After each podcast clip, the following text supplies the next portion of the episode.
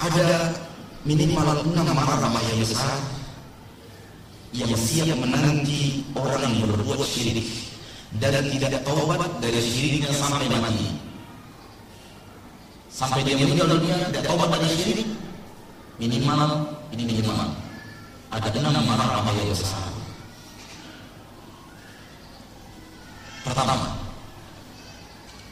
ketika dia berbuat syirik itu, pada saat itu dia keluar dari agama Islam.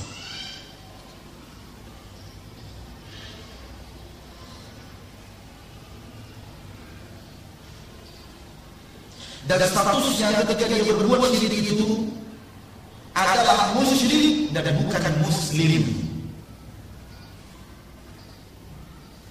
Walaupun banyak orang yang menganggap dia masih kiai haji. Tapi sisi Allah, di ilmu Allah yang maha mengetahui yang gaib, dia orang musyrik dan bukan orang muslim. Walaupun sekelilingnya masih memanggil dia Pak Ustaz. Keluar dari agama. Dua, Seketika ketika dia berbuat syirik tersebut, hapus seluruh amal saleh yang pernah dia bangun seumur hidup. Sholatnya selama 60 tahun hilang pahalanya. Puasanya selama 60 tahun hilang pahalanya. Sedekahnya selama 60 tahun, zakatnya selama 60 tahun hilang pahala itu. Semuanya hilang. Berbaktinya pada orang tuanya hapus. Sholat tahajudnya 60 tahun hilang, pahala itu hilang. Allah berfirman dalam Al-Quran. Surah Az-Zumar ayat 65 A'udzu billahi minasyaitonir rajim. Wa laqad uhiya ilayka wa ila alladziina min qablik. La in asyrakta la yahbatanna 'amaluka wa la takunanna minal khasirin. Dan sungguh telah dibawakan kepadamu wahai Rasul dan kepada orang-orang sebelummu daripada rasul-rasul. Lain asyarata kalau kamu berbuat syirik layak bawanna amaluka pasti sungguh akan hapus seluruh amalanmu. Wala takunanna minal khasirin dan sungguh pasti kamu menjadi orang yang merugi hidup selama-lamanya. Siapa yang mau pahalanya seorang yang tahu hilang? Siapa yang mau pahala zakatnya hilang? Siapa yang mau pahala jujurnya hilang? Siapa yang mau pahala berbaktinya kepada orang tuanya hilang? Siapa yang mau pahala baiknya kepada tetangganya akhlaknya yang mulia hilang? Tidak ada yang mau kalau kita tidak mau jauhi perbuatan syirik.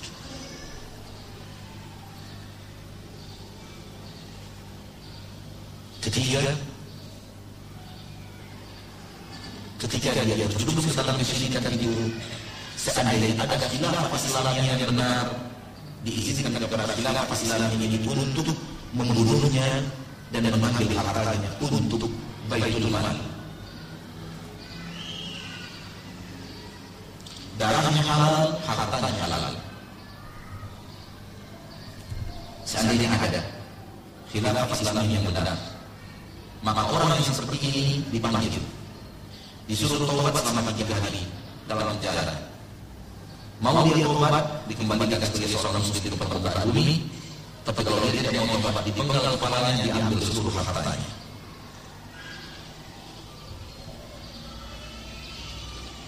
hadis sahih yang Bukhari dan Muslim dari Abdullah bin Umar Nabi Muhammad SAW bersabda Umirtu an uqatila nas hatta yashhadu an la ilaha illallah wa anna Muhammadan Rasulullah wa yuqimu as-salat wa yu'tu zakat. fa in fa'alu dhalika asaba minni dima'ahu awalahu illa bidakil Islam. Wa hisabuhu Allah yasabut aku diperintahkan untuk merangi manusia. Sampai dengan terbesar tidak ada yang ilaha illallah wa anna muhammadar rasulullah. Mendirikan salat meninggalkan zakat. Apabila mereka menjaga itu mereka memelihara dari diriku jiwa-jiwa mereka dan harta-harta mereka. Kalau mereka keluar dari jalur la ilaha illallah jiwa mereka tidak aman, harta mereka tidak aman. Empat. Ketika dia wafat dengan melakukan dosa syirik dan tidak bertobat sebelum dia wafat, karena kalau orang bertobat sebelum wafat Allah terima. Kalau orang bertobat dari dosa syirik sebelum dia wafat, Allah akan terima. Walau satu hari sebelum wafat, walau dua jam sebelum wafat, Allah terima taubatnya. Situ tobat daripada syirik. Karena Allah tidak akan ampunkan itu berlalu di akhirat. Dengan bukti tidakkah kita melihat sebahagian sahabat-sahabat Nabi pernah terjerumus dalam kesyirikan? Jawabannya adalah ya tidak. Ya. Pernah terjerumus dalam dunia kesyirikan. Dan ketika mereka taubat, Allah terima taubatnya bahkan menjadi manusia paling mulia setelah para nabi dan rasul. Ini menunjukkan Allah menerima taubat orang yang berbuat syirik, andai taubat itu dikerjakan di mana? Di dunia. Qul ibadi alladziina asrafu 'ala anfusihim la taqnatu min rahmatillah inna Allah yaghfiru dzunuba jami'an. Allah mengampunkan dosa semuanya. Semuanya Allah ampunkan. Kalau kita bertobatnya di dunia. Termasuk dosa syirik. Yang keempat, apabila dia wafat membawa dosa syirik, Allah tidak akan mengampunkan dosa syirik. Tidak ada pengampunan untuk orang-orang yang datang kepada Allah dari akhir pada mahsyar dengan membawa dosa syirik. Itulah firman Allah Subhanahu wa taala dalam Nisa ayat 119. Inna Allah la yaghfiru an yushraka bih wa yaghfiru ma duna liman yasha. Allah tidak akan mengampunkan dosa orang-orang yang berbuat syirik. Kapan? Ketika dia datang kepada Allah dengan dosa syirik. Anak-anak di dunia Allah ampun. Kalau dia bertobat dengan serius, taubat nasuh. Wa yaghfiru ma duna dzalika. Dan Allah mau mengampunkan dosa selain itu, selain dosa syirik itu. Lima yasha untuk orang-orang yang Allah pilih dan Allah kehendaki.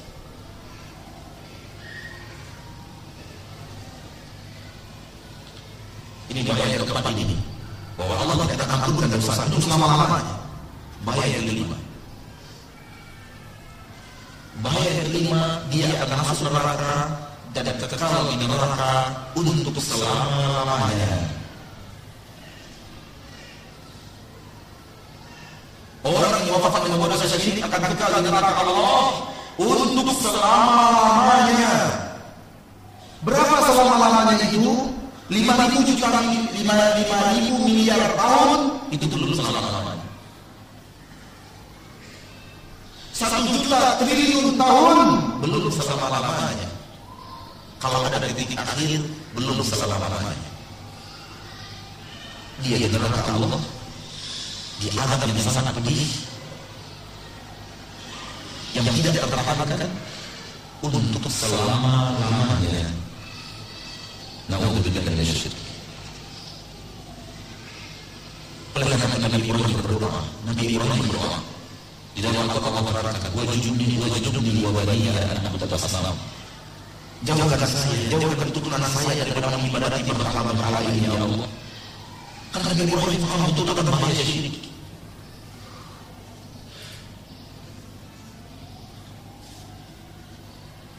Berkata Imam Ibnu Qutaibah, Wa man ya'mal bala'a Ibrahim Siapa orang yang lebih aman dari sesuatu fitnah ini. Melebihi dari Ibrahim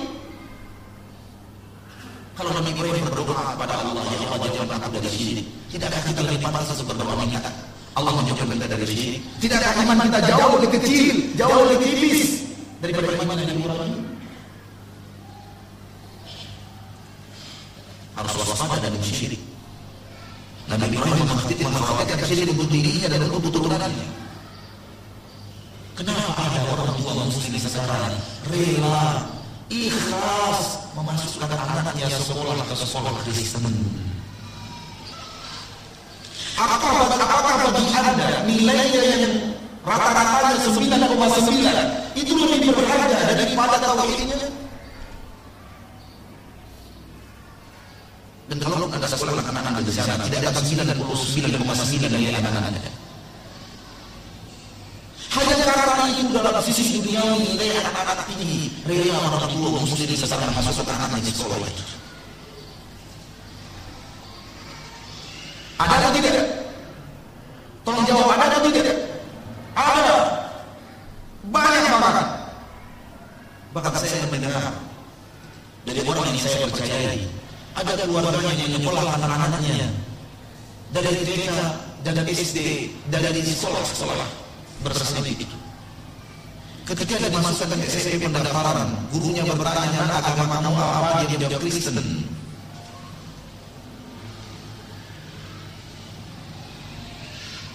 Kemudian pura-pura berdalih, itu kan cara dunianya saja, di belakang kita masukkan MBA. Dan dari konyol. Selamatkan kaki anak anda saudaraku. Lebih baik dia wafat menjadi tukang sapu masjid dan bertauhid dibanding dia wafat menjadi seorang presiden dan berbuat syirik. Karena ketika dia wafat menjadi seorang presiden yang berbuat syirik, dia akan kekal di neraka Allah untuk selama-lamanya. Dan kalau dia wafat sebagai penyapu masjid dan akan bertauhid, boleh jadi dia tidak pernah singgah neraka Allah dan langsung masuk surga. Itu pun kita maunya presiden bertauhid lagi. Itu yang kita inginkan. Anak kita jadi presiden dan bertauhid. Kita ingin presiden dan presiden yang bertauhid, menteri-menteri kita menteri yang bertauhid. Itu yang kita inginkan, itu yang dibutuhkan Indonesia. Namun sayang ibu saya, ada orang-orang tua yang seperti tidak peduli pada akidah dia dan akidah anak-anak.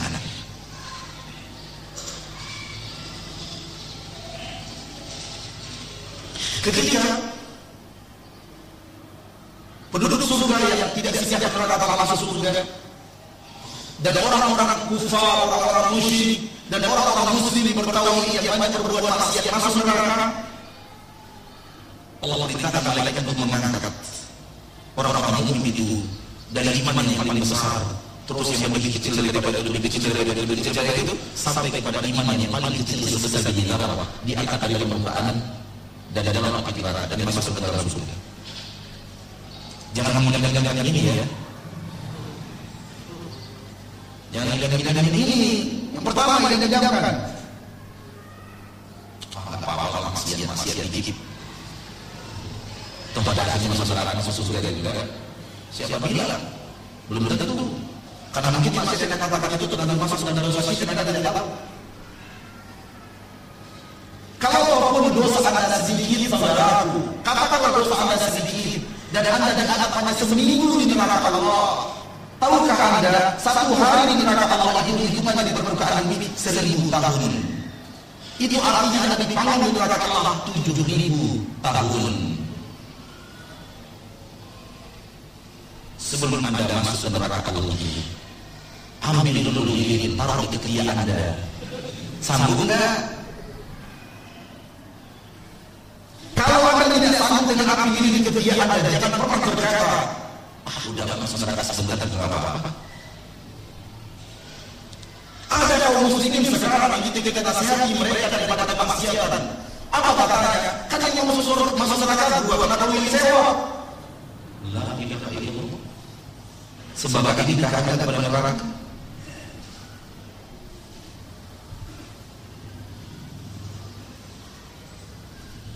Dan ada kaum muslimin yang ketika sedang berbuat maksiat, ada orang yang pengen ingin lalu di depan mereka pengen ke masjid, berpakaian peci haji berjenggot, berpakaian muslim bersarung, memenuhi la ilaha memenuhi ala salat ala falah. Karena mereka malam dia berbuat maksiat, mereka melambai sambil berkata, Assalamualaikum ahli surga. Kalau kita mau sebel, kan kita jawab Waalaikumsalam ahli neraka. Repot jadi. Jangan pernah berada di neraka Allah. Asadakum amalna la taqwa. Jasa kalian tidak akan pernah sanggup untuk menahankan perkhianatan di neraka. Nabi kita wasallam bersabda, azab yang paling ringan di neraka Allah azab yang paling ringan di neraka Allah paling ringan itu hanya diletakkan di telapak kakinya bara api neraka hanya itu azab yang paling ringan itulah azab paling ringan di neraka Allah dalam riwayat lain dipasangkan dengan sendal sendal yang tercipta dari bara api neraka itu azab paling ringan di neraka Kata Rasulullah, dengarkan. Wahai orang-orang yang tidak takut kepada neraka Allah. Dengarkan Rasulullah bersabda. Ketika kakinya menginjak bara api neraka itu, yali minha dimadu. Otak yang ada di kepala mendidih kepanasan. Tahukah nama-nama mendidih? Pernah anda melihat ayat yang mendidih dimasak oleh istri anda dari rumah? Bayangkan otak anda dan mendidih hanya karena bara api diletakkan di kaki anda. Anda tidak akan sanggup. Saya dan anda tidak akan sanggup ke Allah. Tidak ada manusia yang sanggup ke Allah. Oleh karena itu jangan sombong. Jangan pernah berlaku dengan neraka Allah. Allah akan memberikan kepada kita rasa takut kepada neraka yang pernah coba-coba berani pada neraka Allah.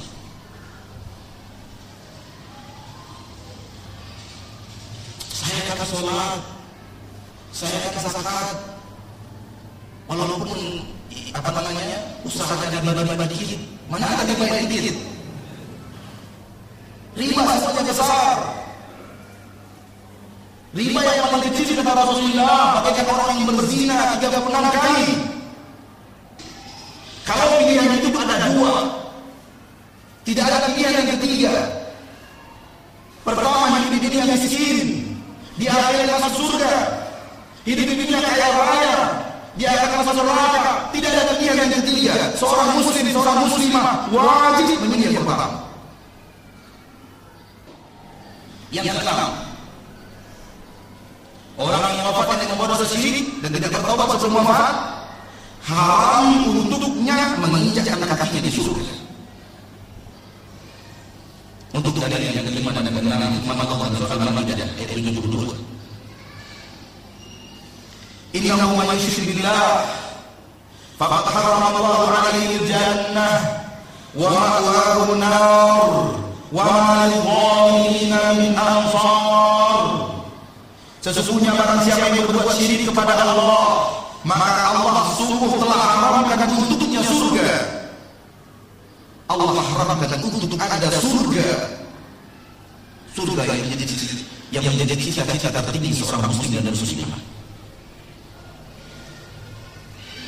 Jadi cita-cita tertinggi kita, cita-cita tertinggi anak kita, cita-cita tertinggi cucu kita masuk surga bukan jadi pramugari. Cita-cita tertingginya jadi apa? Penduduk surga.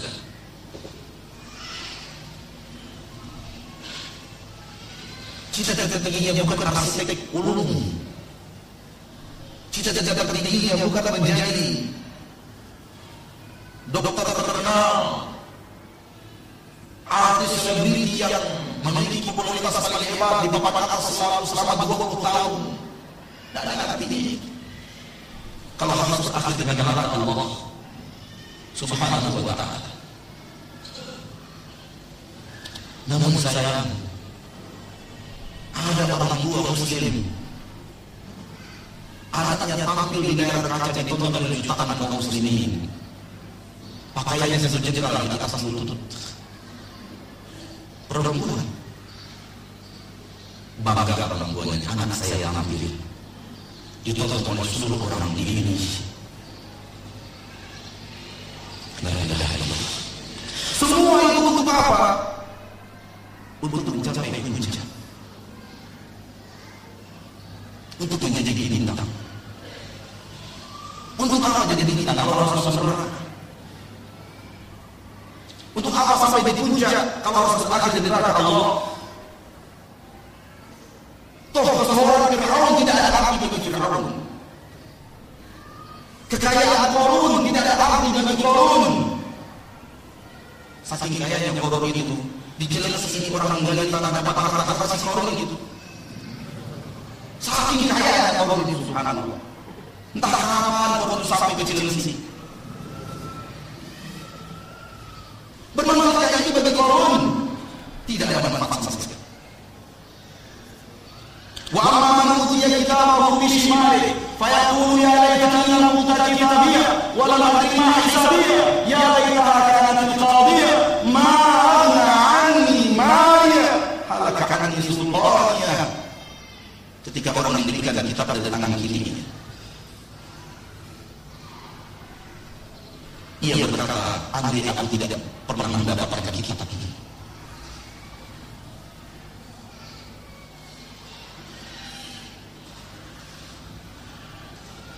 Aduhai gerangan alangkah beratnya keputusan ini. Ternyata tidak bermanfaat untukku sedikit pun hartaku. Hancur seluruh kekuasaan dan kekuatanku. Harta tidak bermanfaat. Anak tidak bermanfaat. Kedudukan dan kekuasaan dalam tidak bermanfaat. Kalau harus berakhir dengan lima catatan di sebelah kiri kita. apa yang terjadi? Hulu fahulu Thumma jahim masallu Ambil dia. Belenggu dia Seret dia Masukkan ke dalam neraka.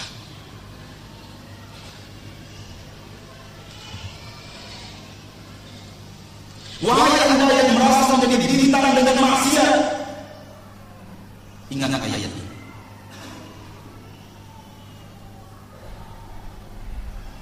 Wahai anda yang merasa dirinya mencapai puncak kekuasaan dengan maksiat, dengarkan ayat yang kita bacakan tadi.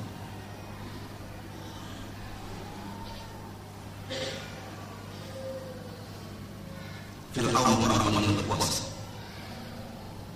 Tidak ada artinya kekuasaan itu bagi Korun orang iman kaya raya. Tidak ada arti daripada kekayaan itu bagi dirinya.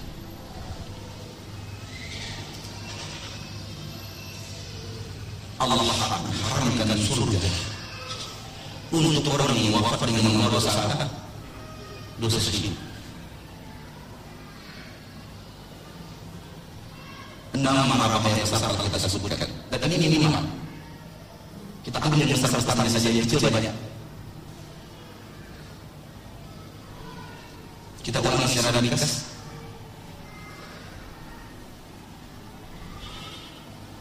Keluar dari agama dia dari agama Islam.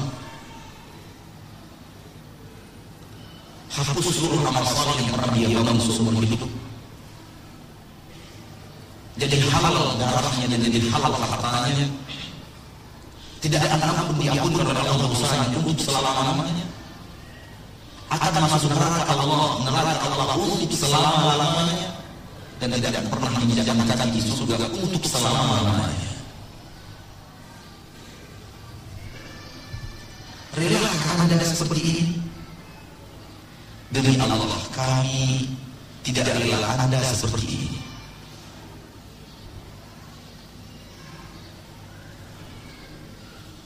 Namun dengarkan dua persaksian datang dari dua pedagang. Satunya pedagang kota Aur Bukit Tinggi dan satunya datang dari pedagang kota di pasar pusat Pekanbaru. Saya tidak tahu kalau kenapa apa. Pedagang-pedagang tanah abang ini ada di sini. Kalau ini mereka pesan dan disampaikan kepada saya, apakah sama atau tidak? Pedagang-pedagang lem, jadi negara, pasar masih persaksian dua manusia satunya pedagang di Al Kuning Bukit ini satunya pedagang di pasar pusat Pekanbaru kata mereka berdua kepada saya Allah saksi apa yang saya katakan pedagang-pedagang itu jauh lebih banyak yang pakai tangkal dibanding yang tidak pakai tangkal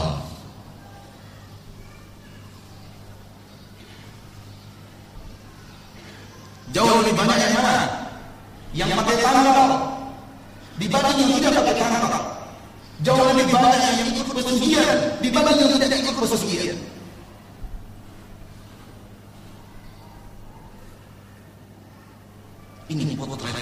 Akidah umat Islam.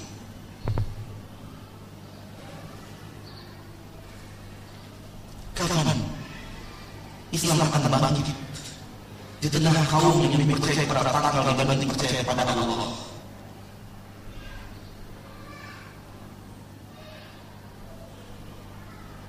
Kapan Islam akan bangkit di tengah kaum yang lebih yakin tanggal yang akan mendatangkan rezeki kepada dirinya dibanding Allah yang menentukan rezeki?